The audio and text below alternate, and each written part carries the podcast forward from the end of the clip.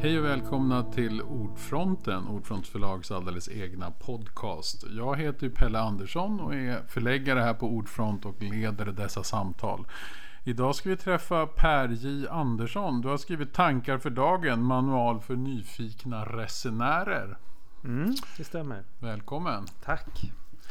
Ja, det här med att vara en nyfiken resenär. Kan man vara det idag? Eller när det är så svårt att resa, vi har precis kommit ur en pandemi eller är mitt igen fortfarande kanske. Ja. Har det varit jobbigt att vara en nyfiken resenär nu? Ja, inte så jobbigt att inte få resa eh, som det är att så att säga hela tiden få höra angrepp på vad man kallar för den fria rörligheten eller Mm. idén om att röra sig i världen över nationsgränser och så. Det har ju verkligen varit någon sorts någon sorts eh, högsäsong för att vurma för att vara kvar på sin plats. Mm. När det gäller pandemin kan man förstå det. Vi skulle inte resa under perioder för att det smittade och så. Eh, Men ändå, det har varit en attack på något sätt på resandet. Sen har vi klimatdebatten Mm. som, som också har varit naturligtvis en, en, en attack på resandet. Vilket jag tycker eh, blir fel. Jag tycker det ska vara en attack på det så att säga, dåliga resandet ur miljösynpunkt. Det vill Mm. säga både bilresande och flygande. Det är det Mm. det ska vara en attack på. Det är det som ska angripas och kritiseras. Mm. Inte resandet som i sig så att säga. Eh, och sen har vi naturligtvis också, det, det är olika saker som med olika syften som samverkar. Sen har vi en ökad nationalism också, Mm. tycker jag, som också på något sätt Och utmanar. den en- förstärks av det här. Ja, jag tycker det. Mm. Allt det här sammantaget blir en sorts liksom, lågsäsong för idén om det fria, nyfikna resandet. Och att möta andra och Ja. andra kulturer. Ja, och, precis. Mm. Mm. Tror du då att en bok som den här kan ändå liksom vara med och förändra det? För man kan ju ändå sitta hemma och tänka på andra kulturer och läsa om andra kulturer och Ja. försöka förstå. Precis, Mm. det är min förhoppning att Mm. man med den här boken ska få en inblick i vad det betyder. Vad det innebär det här resandet. Och, eh, och så också att man naturligtvis genom att läsa den här boken blir man ju en resenär i fåtöljen. En fåtöljresenär. Mm. Som är ett ganska starkt etablerat begrepp inom den engelskspråkiga världen. Precis. Och på åtminstone på, i bokaffärer, jag har sett det i både New York och i London, så har man då en hylla för reselitteratur och då menar man resguider. Eh, och så har man en hylla för eh, armchair travel. Mm. Och då menar den här typen av böcker. Men det kan också vara Paul Theroux, Bruce Chatwin och, Ja, och. Mm. eh, Jenny Diski och liknande författare. Då. Som, inte, som inte så att säga instrumentella böcker som ska berätta hur du reser. Utan de har själva varit ute på resa och du behöver inte resa. Du kan sitta Nej. i din fåtölj och få följa med. Ja, det är ju ibland väldigt, alldeles underbart. Ja. det är det ju i det här fallet också. Precis. Men vad tycker du, hur, vad, hur skiljer du själv på det då? Du, men, du har ju även skrivit om själva resandet och varit reseguide. Du är ju resejournalist. Ja, jo, och när det här, hur tycker du själv att det förändrar ditt skrivande när du ska liksom skriva en fåtöljresebok? Alltså, det, det är väl, jag har ju sysslat med både och som du Mm. säger. Jag har ju skrivit guideböcker. Jag började ju egentligen med att skriva guideböcker till, till Indien och Greklands öar och så.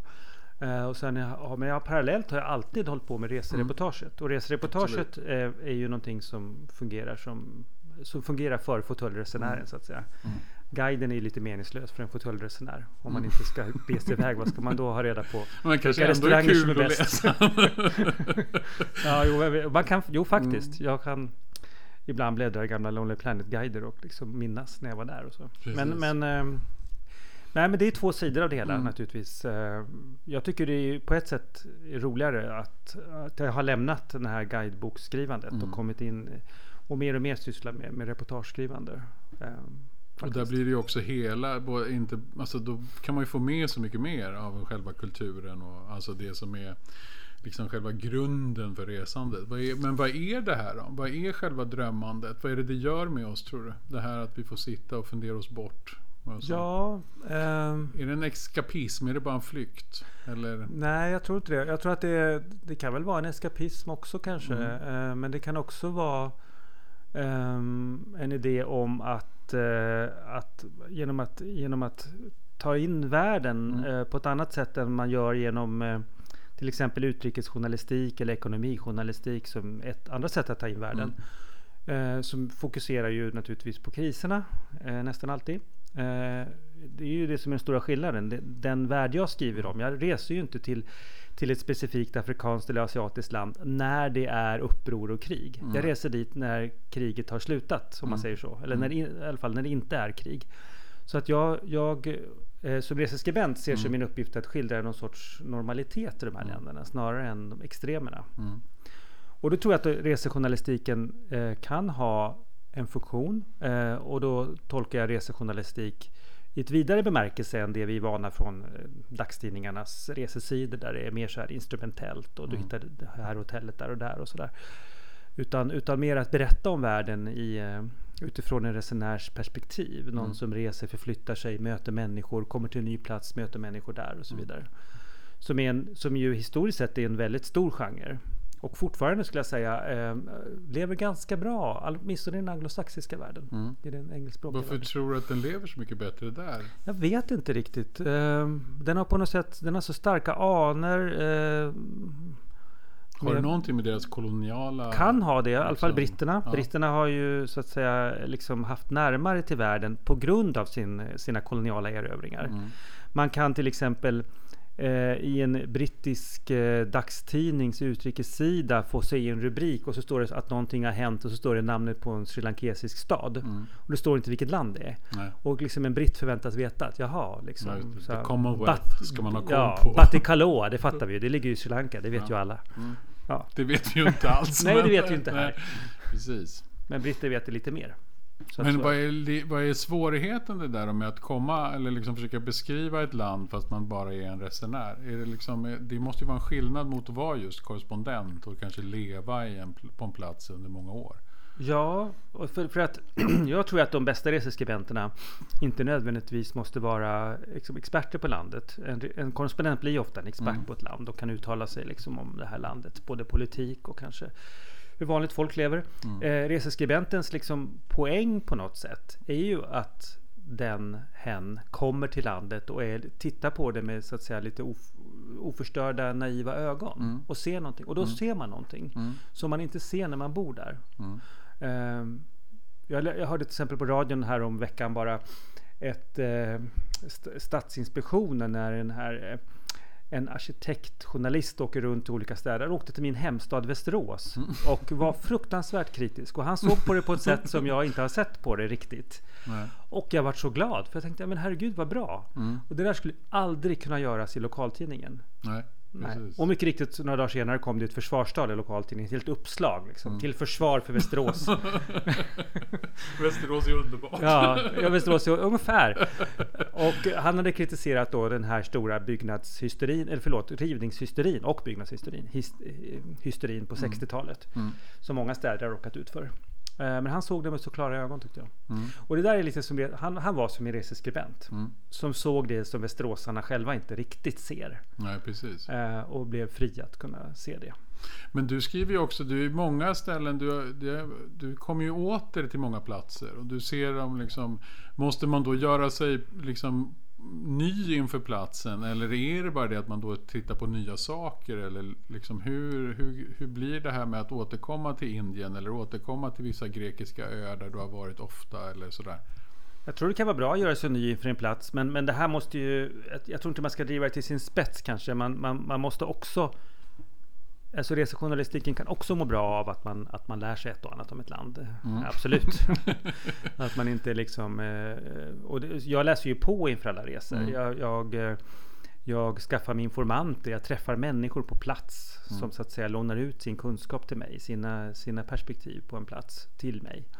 Så att det här mötet med andra människor är väldigt viktigt, tycker jag. Mm. En resejournalistik utan människor idag funkar ju inte. Det funkade på 1800-talet. Det gällde att bara att få berätta om en tropisk djungel var ju fantastiskt för en svensk läsare att få läsa om. Och Wow, liksom. Ingen hade ju ens kunnat, för, Det ja, ens kunnat föreställa sig hur det var. Liksom. Ja, Mm. så att på den tiden räckte det ju på något sätt att liksom rida förbi landskapet och lite snabbt beskriva det så blev det fantastiskt. Och det där går ju inte längre av massa skäl för att vi vet så mycket. Så då blir det personliga mötet på resan tänker jag. Det är liksom det som blir kvar. Det kommer alltid vara unikt. Det går aldrig liksom ersätta med ett annat. För varje möte är unikt Mm. mellan två människor. Är det också just folket hela tiden? Eller vad är det du är ute efter? Är det just de där mötena? Eller är det då att det speglar en kultur? Ja, det är väl en blandning. Alltså det, vad är ditt uppdrag där? Ja. vad tar du på dig för uppdrag? Ja, precis. Mm. Eh, mitt uppdrag är att berätta om världen eh, med en bredare kontext. Mm. Eh, att både, jag, jag är väldigt intresserad av historia, så mm. i många av mina resereportage så gräver jag ner mig i historien också. Mm. Uh, jag tycker det finns en vad ska man säga, eh, en tendens också i, om man tänker, tittar då på utrikesjournalistik, att röra sig väldigt mycket i nuet. Det hör kanske till genren, mm. eh, nyheter. Men att man ofta glömmer historien. Så jag tycker det är väldigt spännande. Mm. Eh, normalitet och historia. Vilka, vilka, hur har det blivit så här och, eh, och så här ser det ut när det inte är katastrof? Och att ehm. liksom på något sätt observera en vardag med ja, främmande ja. blicken då. Ja, precis. Med lite främmande blick. Men som, som, du säger, jag har återvänt. Eh, länder som Grekland och Indien framförallt har jag återvänt till eh, under mer än 30 års tid. Mm. Regelbundet. Och det tycker jag också är, eh, är så att säga, vad ska man säga? Ja, det har, det har fördjupat min bild av de här länderna samtidigt mm. som jag reser ju ofta till nya platser i Indien. Mm. Så jag återvänder inte alltid till exakt samma kvarter så att säga. Och Indien är ju som sagt det är som ni vet väldigt stort. Så man kan ju liksom resa i det. Det finns många livs... olika länder i landet. Ja, man sätt. kan resa en hel livstid i det landet utan mm. att liksom riktigt ha upptäckt det. Mm. Och då när du, du, jag vet att vi pratade lite om det här undertiteln till din nya bok här, Tankar för dagen. Då hade vi också vilsna resenärer, tror jag var uppe en kort stund. Eller du ja, pratade om ja, det. Sådär. Det. Ja. Vad är skillnaden mellan att vara vilsen och nyfiken? Blir det samma sak i, i en resenärs liv? Alltså är det bra att vara lite vilsen och inte mm. hitta rätt och hamna fel? Eller? Jag tänker det. Mm. Alltså för vilsen för mig är inte nödvändigtvis dåligt. Nej. Det finns ju någon sorts liksom idé om att du ska vara, ha så stor kontroll hela tiden och vara så väl förberedda och sådär. Och det är väl kanske i många situationer i livet kanske nödvändigt att vi är det. Men, men att komma och vara lite vilsen kan också vara bra. Jag tror det skapar en öppenhet. Mm. Att, att liksom inte, till exempel att inte ha så många förutfattade meningar om en plats. Att vara lite vilsen. Vad är det som gäller här? Mm. Då måste jag ju ta reda på det. Mm. Um, så vilsenhet och nyfikenhet hör ihop på mm, många man sätt. Man kanske måste söka hjälp då också? Alltså, man måste söka alltså hjälp, få, fråga efter hjälp, ja, mm. precis. Uh, fråga hur gör ni här? Mm. Vad, är, vad, är, det här för något? Um, jag tycker det är så fint beskrivet en kvinna som jag intervjuade för min bok För den som reser i världen vacker som kom här mm. för några år sedan. Fem år sedan såg jag på Facebook. Är det så pass länge sedan? Det, var det kändes som att det var igår. Releasefesten för den var igår för fem år sedan. Okay. Såg jag på Facebook mm. som påminner mig. Mm. Du var där. Mm. jo, jag vet. Ja. Just det. Jo, hon sa så här, det finns liksom, eh, hon, hon renodlar det som två sorters resenärer. En resenär som kommer till en ny plats i världen och frågar, vad kan jag göra här? Mm. kan man tycka är en relevant fråga. Surfa, bada, snorkla. Mm. Och så finns det en annan sorts resenär, nu i det här hårdragna exemplet, som frågar, vad gör ni här? Uh, Just det. det är en ny plats. Vad håller ni på med här? Jaha, mm. vad gör ni där? Håller ni på med någonting där på marken? Mm. Vad, vad spännande, berätta. Mm. mm. Vad gör ni? Visa. Ehm, det är ju två hårdragna, men jag tror att eh, många av oss kanske är lite grann både och. Mm, man vill både och ja. Ja, man vill både och. Mm. Men man får inte glömma det där, vad gör ni här? Nej, precis. Men det är väl också det att mycket av det här dåliga resandet har väl blivit väldigt mycket att man dimper ner på en plats som nästan egentligen är gjord för mig som resenär. Alltså jag stängs mm. in på något område nästan och, och är där och lever bara i värme. Och sen flyger hem igen. Verkligen. Mm. Och det är då, turismen har ju tyvärr utvecklats lite grann mm. åt det hållet. Mm. Om man tittar till exempel på jag res, propagerar ju väldigt mycket för att resa helt på egen hand, liksom mm. lösa boliner och boka allt själv och sådär. Men om man bara om man tittar på charterbranschen har även den förändrats. Om du mm. tittar på till exempel, vi kan ta exemplet Svenska Fritidsresor, ett klassiskt charterbolag startat 1961 om man går tillbaka till 70-80-talet så skrev de kontrakt med massa små familjeägda hotell längs italienska och spanska kusten. Och, och, så kunde man komma till de här hotellen och så var det en liten familj som ägde det där.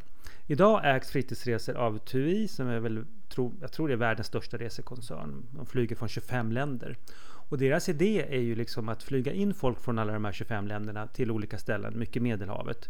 Eh, och då så, så stora anläggningar som möjligt för stordriftsfördelar. Mm. Det är inga små familjehotell längre. Nej. Det är inga små orter. Det är de här stora etablerade orterna som jag har hört talas om så mycket. Mm. Som de satsar på. Det är liksom en industriell st storskalig turism. Så även charterturismen har gått från att ha varit hyfsat småskalig till och bli jättestorskalig. Ja men det är ju som nästan allting blir. Ja. Alltså, men Ja. snart har vi bara ett resebolag. Ungefär, Ja, som ungefär vi bara så. en Spotify, vi har ett Ja. Netflix, vi har ett. Alltså det blir ett av allt på något sätt. Och så Precis. ska vi alla bara vara i den bubblan. Just det. Mm. Mm. Så det här är ett slags oberoende du också propagerar för. Ett Ja. slags, eh, Ja, det är det. En slags revolt. Ja. Eller lite revolution. Ja. Det kan man säga. För att en, en, en fråga många ställer sig. eh, Det finns en organisation som heter Schysst Resande. En paraplyorganisation som jobbar för, för liksom hållbart resande. Inte bara ekologiskt utan även socialt, ekonomiskt. Och hur kan man ta reda på att hotellet jag åker till inte har svart underbetald arbetskraft till exempel? Eh, det är inte så lätt att göra. Jag har en krönika om det i den här boken. Det är inte så lätt att göra, säger schysstresande. Och, men jag menar på att det är inte så svårt faktiskt. Och jag, inte, jag kan dra det Mm, absolut, knepet. Ja. det är inte så konstigt. Och det är inte hundraprocentigt. Men, men istället för att börja liksom leta i de här bolagens liksom bolagsrapporter och, och sådär. Vilket skulle ta en evinnerlig tid. Och jag tror väldigt få Mm. Det kanske som, ligger dolt också. Ja, dessutom, dessutom ja precis. Och eller så, säg, jag inte vet jag, söka på olika organisationer som har kartlagt och sådär. Det kanske bortom en normal liksom, par eller familj som ska åka på semesters tanke att överhuvudtaget göra.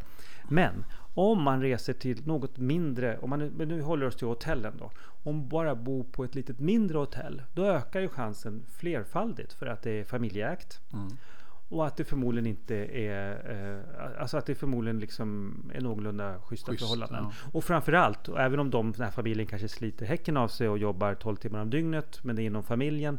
Men det viktigaste kanske är att pengarna stannar i fickorna lokalt. Mm. Och inte försvinner till TUIs huvudkontor i Nej. Frankfurt eller var det nu ligger. Och det här med resandet generellt då, om man ska göra det hållbart. Är det liksom, det är, det är tåget då som är själva lösningen? Och har det blivit lättare nu att resa med tåg? Bara, Tåg är en lösning, Mm. jag ska inte säga den enda, men naturligtvis en lösning. Framförallt när det gäller Europaresor, Mm. rimligtvis. För att det finns, eh, vi har en gång varit där, alltså Mm. åkt på semester ut i Europa med tåg. Och sen kom flyget och rationaliserade och blev så billigt så då övergav vi tåget. Men nu är det ju på väg tillbaka, Mm. som du antyder. Och det är ju då i juni i år faktiskt så ska ju SJ i samarbete med, med danska järnvägen tror jag, starta en eh, upphandlad linje, daglig, stort sett daglig linje Stockholm-Hamburg. Ett nattåg som kommer gå. och då kommer man liksom ut i Europa Ja, på ett och det, är lätt liksom, sätt det kommer kanske bli en game changer som man säger. Att Mm. bara det faktum att man då kan gå in på SJs hemsida och, eh, och ha Hamburg och med en enda knapptryckning så är man i Hamburg Mm. så att säga. Så har man bokat den biljetten. Eh, från idag då när det är lite krångligare. Mm. Så tror jag det kommer göra att väldigt många mer människor känner att det här var inte så krångligt. Det är också tåget ett sätt som är lättare blir då den här nyfikna resenären. Att man får sakta akklimatisera sig till en ny plats eller liksom färdas in i ett landskap och inte bara dimpa ner som man gör med tåg. Absolut, Mm. det är ju det är ju så. Eh, man förstår hur, eh, om vi tar Europa då, man förstår hur Europa hänger ihop och Mm. liksom avstånden emellan. Man ser skillnaderna. Man akklimatiserar sig sakta. Mm. Eh, det är oerhört, tycker jag, angenämt att göra det. Nackdelen är att det tar tid förstås, men det är ett annat tänkande.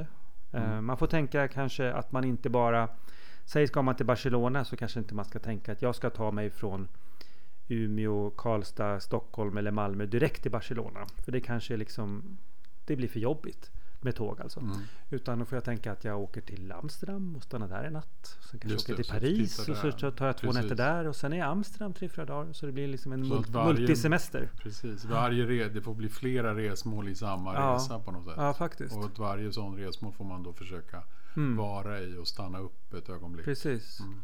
Och eh, det är inte så svårt som man tror. Jag åkte med min eh, tonårsson till eh, Paris på höstlovet senast Mm. med tåg. Eh, redan nu då, innan SJ har startat det här tåget, Mm. så är det inte så krångligt. Nej. Det går ju trots allt.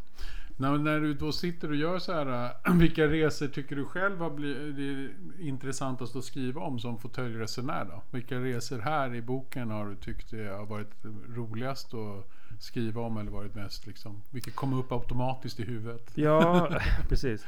Det blir ju mycket eh, till platser i världen som skiljer sig mycket från Sverige. Mm, det är då det blir mest intressant att skriva Ja, det är då liksom. det, det kickar igång tankar i mitt Mm. huvud. Alltså det är så, så fort jag kommer till, till Indien till exempel, Mm. och en stad som Mumbai till exempel, så börjar hjärnan koka av funderingar kring Mm. här och där och varför gör de så och sådär. Och jag får liksom genast en massa skrividéer. Mm. Åker jag till Köpenhamn är det inte självklart att det dyker upp lika många skrividéer på en gång. Alltså Nej. kring själva platsen. Eftersom det är så Du likt. känner igen allt? Och det Ja, ganska liksom- mycket. ja. Jag känner inte igen allt, men jag kanske känner igen 90 procent. Mm. I Mumbai känner jag igen 10 procent Mm. kanske bara. Så att då blir det mer idéer. Så att, så att den här boken handlar ganska mycket om eh, olika reflektioner kring Asien, Indienresor, men också lite Medelhavet och Europa och sådär. Mm.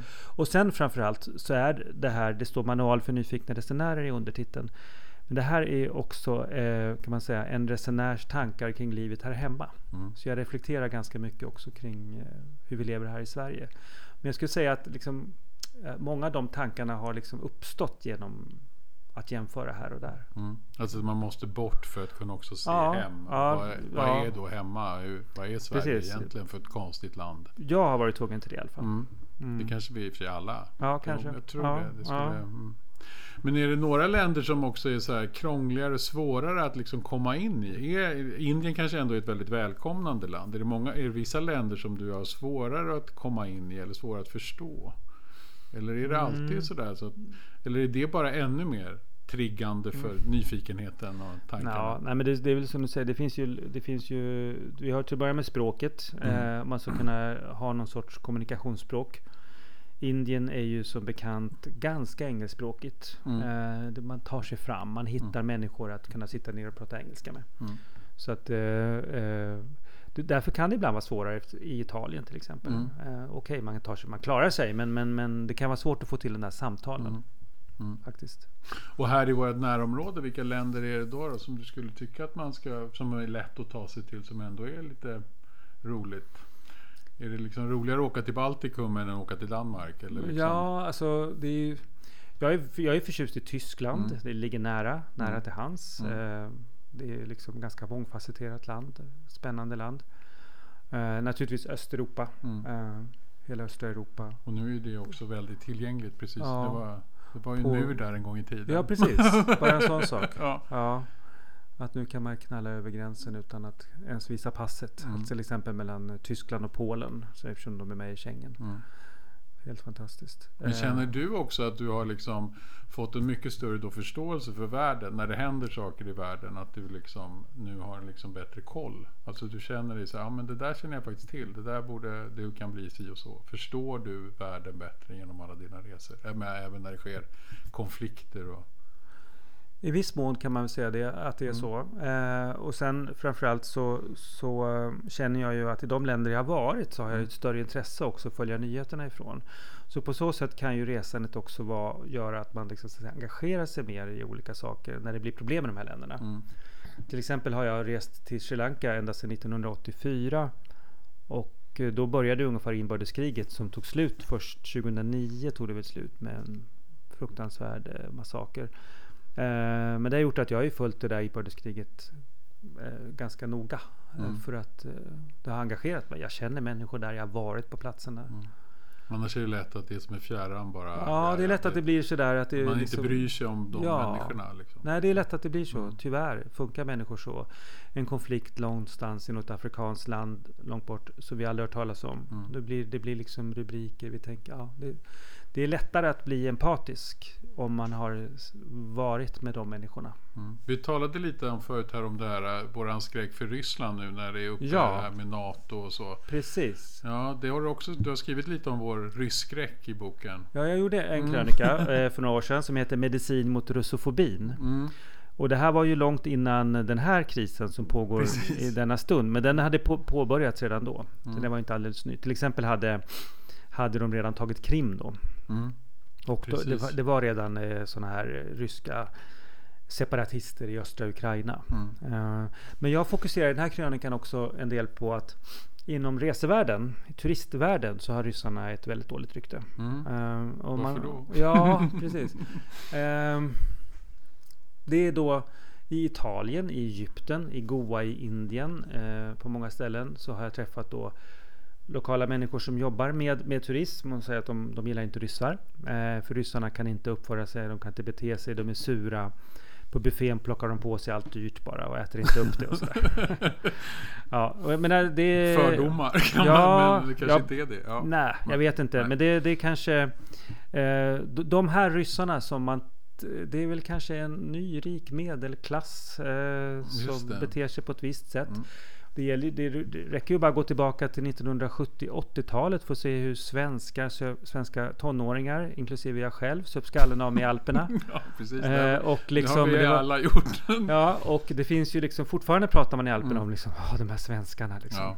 De betedde sig som svin. Absolut. Ja, så att vi har också varit svin. Mm. Så, så att det är mycket my- möjligt att de här ryssarna, den här historierna är sanna. Mm. Men eh, och på Mallorca, grisfester till exempel, kan vi ta som ett exempel. Ja. Vi har också, vi har, Vi har gjort behöver- vår del av detta. Ja, vem kastar första stenen kort sagt. Mm.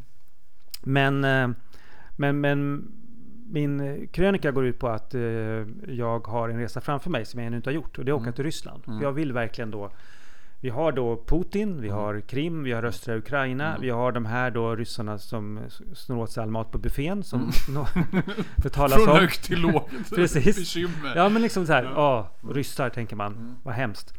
Eh, och just därför eh, så propagerar jag för att vi bör åka till Ryssland, resa Mm. runt, träffa vanliga ryssar. Precis. Det finns alltid liksom i alla länder, eh, även i diktaturer förstås, så finns ju folket där. Och, och folket, folket är ju aldrig, de är inte diktatoriska. Nej, och det Nej. liksom blir aldrig... Alltså alla fördomar krossas ju oftast när man Ja. hamnar på en plats där man Precis. träffar riktigt folk. Ja. Liksom. Mm. Jag har faktiskt haft, eh, vi har hyrt ut ett rum i vår lägenhet här i Stockholm eh, tidigare och haft ett par ryska gäster. Mm.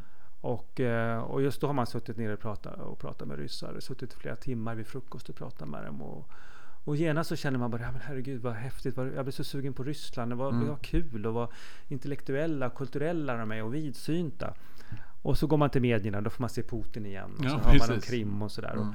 Och, och, eh, så att det, det gäller att få upp de där bilderna. Mm. Att, att nyansera bilden av Ryssland. Och då är det väl egentligen ganska, det är väl det som också då, då knyter vi ihop säcken här. För det var ju också där vi började att folk liksom reser nu mindre och mindre. Att vi stänger av världen, vi får inte flyga, det har varit pandemi. För att egentligen så har vi ju, det som har varit fint under många år, även om det har varit dåligt för miljön, så har vi ju ändå förflyttat en enorm mängd människor över jorden till nya platser. Från alla platser till alla platser. Ja. Och det där håller på att kanske försvinna då. Jag tror inte det kommer Mm. försvinna. För Nej. jag tror att det är en, eh, en, ska man säga, en urkraft, en urlängtan hos människan Mm. att se andra platser. Så att så fort vi har möjlighet så kommer människor över hela världen göra det. Mm. Och vi ser ju nu hur resandet har vidgats. Eh, om man går tillbaka till 80-90-talet så Mm.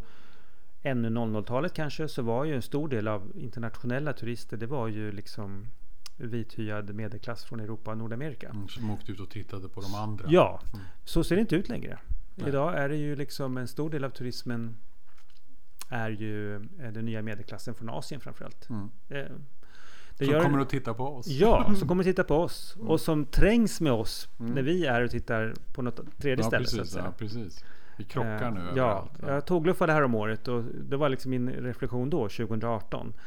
Att, liksom, eh, att det är så många asiatiska tågluffare Mm. i Europa. Mm. Så var det inte när jag tågluffade som ung på 80-talet. Nej, Det fanns det inga asiatiska tågluffare i Europa. det är ju härligt. Ja, Mm. Så det, på, det, mer, det, på, det, på det sättet är ja. det en mer demokratisk värld. Eller mer, så att säga, det är inte bara vi som tittar på dem. Utan Nej. de tittar på oss också. Mm.